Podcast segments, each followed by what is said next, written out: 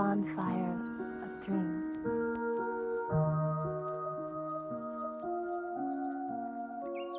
كانت القصة عبارة عن رحلة قاتمة بلا توقف. كل هذا قد يكون مفاجأة طفيفة أن الرسالة الأساسية في برزيرك هي أن الدافع الأكثر تأكيدا في هذه القصة هو فكرة جميلة وإيجابية بشكل مدهش. إنها رسالة بسيطة جدا ولكنها مؤثرة وهي أن تستمر في العيش. هي واحدة من تلك الأشياء حيث لا تلاحظها لا يذكرها شخص آخر وبمجرد أن تسمعها تبدأ في ملاحظتها كما هو الحال في كل مكان. يتم عرضها حرفيا. وكيف أن الرسالة للاستمرار في العيش هي الموضوع الرئيسي في برزيرك. قد يبدو كأنه تناقض لكن هذه الرسالة تتناسب بشكل جيد مع الرسالة الرئيسية بهذا المقطع. هذا الموضوع هو ببساطة الحفاظ على الحياة بمثابة انقسام لموضوع المعاناة اللانهائي في حين أن المعاناة في العالم قد تبدو ساحقة وقاسية هناك دائما سبب للاستمرار في العيش مما يجعل الأمر يستحق كل المعاناة التي تأتي للمرأة. قد تبدو في أسوأ حالاتها ولكن هناك دائما سبب للحفاظ على الاستمرار. إن الإصرار والاستمرار في محاولة التغلب على الرسالة البسيطة هو أيضا شيء ثابت طوال حياة غاتس بأكملها. حتى بالنظر إلى ولادته فقد وضع في موقف كان من مفترض أن يموت فيه مع والدته الحقيقية التي تم شنقها على الشجرة. لكن كما تعلمون جميعا تأتي تشيتو وتأخذه في النهاية وتنقذ غاتس في النهاية. حتى أن مصيره يطال في تلك الليلة بعد قتل غامبينو وسقوطه من أسفل المنحدر ويبدو أنه فقد دافعه ليعيش وهو يخبر نفسه أنه ربما مات للتو. عندما سقط على الأرض أنه لا يوجد سوى أشياء سيئة أمامه ولم يتبقى له مكان يذهب إليه عندما أحاطت به الذئاب. يخبر نفسه أن الأمر قد انتهى. ومع ذلك فقد حصل على غريزة البقاء. يتمكن من القتال ولا يمكنه حتى فهم الأمر مرة أخرى. كان يجب أن يموت نظرا للظروف لكنه بطريقة ما يسود ويستمر. لقد ظهر هذا حتى في أقصر آرك في الفلاش باك عندما كان مراهقا. في هذا الآرك يتم استغلاله وإلقائه في السجن حيث يتم وضعه في وضع يفقد فيه إرادته للاستمرار في الحياة.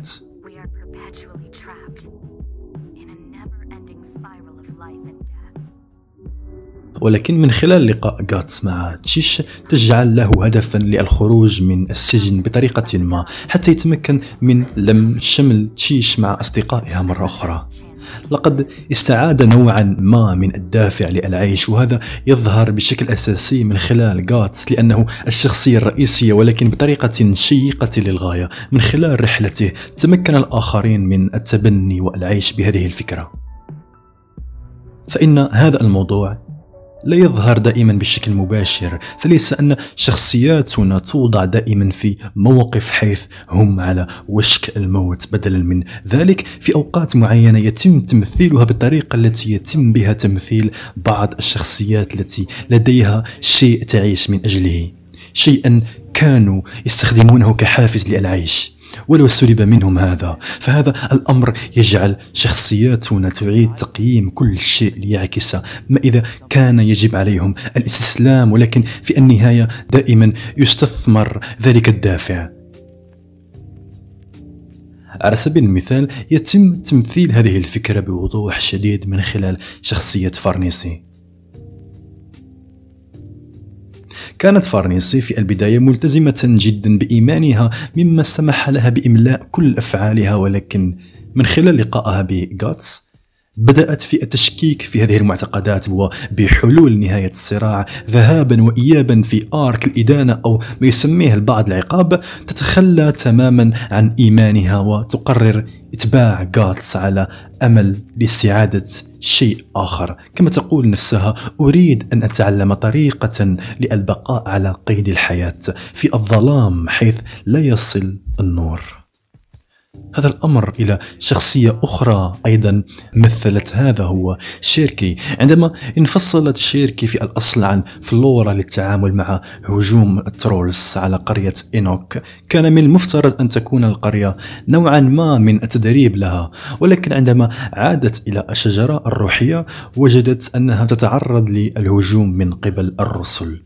بسبب هذا شيركي التي أجبرت على ترك فلورا لمصيرها لا يوجد خيار سوى البقاء إلى جانب غاتس تماما مثل الشخصيات الأخرى التي تفقد مكانة تعيش من أجله. وهي تعبر بوضوح شديد عن حزنها لأفعالها على الشاطئ لكنها تجد شيئا آخر للعيش من أجله لمساعدة غاتس وبقية المجموعة.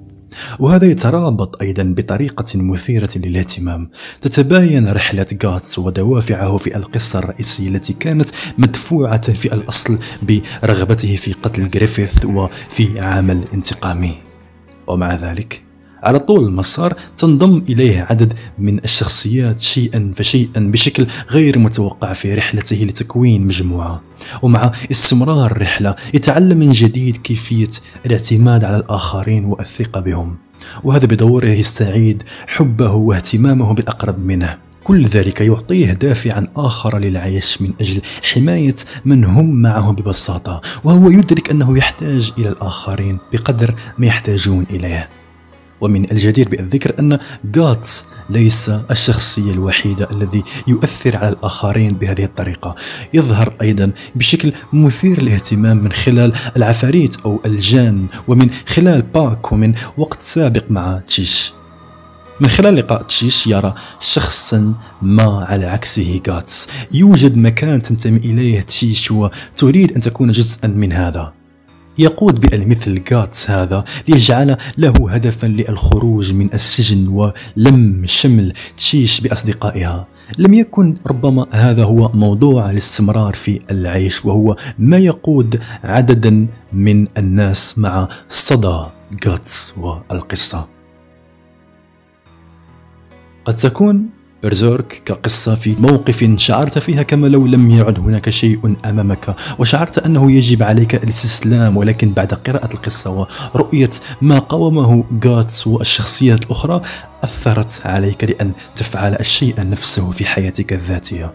من المرجح أن نواجه جميعا صعوبات في المستقبل. لكن من المهم للغاية العودة إلى هذه الرسالة للاستمرار في العيش حتى نتمكن من التجاوز بسهولة بينما قد تبدو الحياة بلا معنى لدى أبطالها بألقصص لكن في أوقات معينة ستكلف المدلول.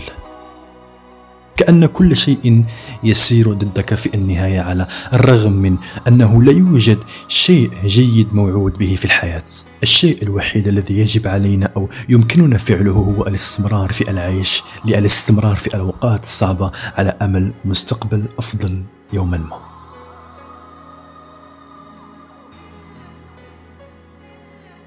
شكرا لكم على المشاهدة. كان هذا الفيديو لمحبي برزيرك. انضموا إلى القناة لتشجيعي بتنزيل محتوى عن برزيرك بشكل مستمر. اللايك ورأيك في التعليقات ولا تنسى الانضمام إلى مجموعتنا بالفيسبوك. إلى اللقاء.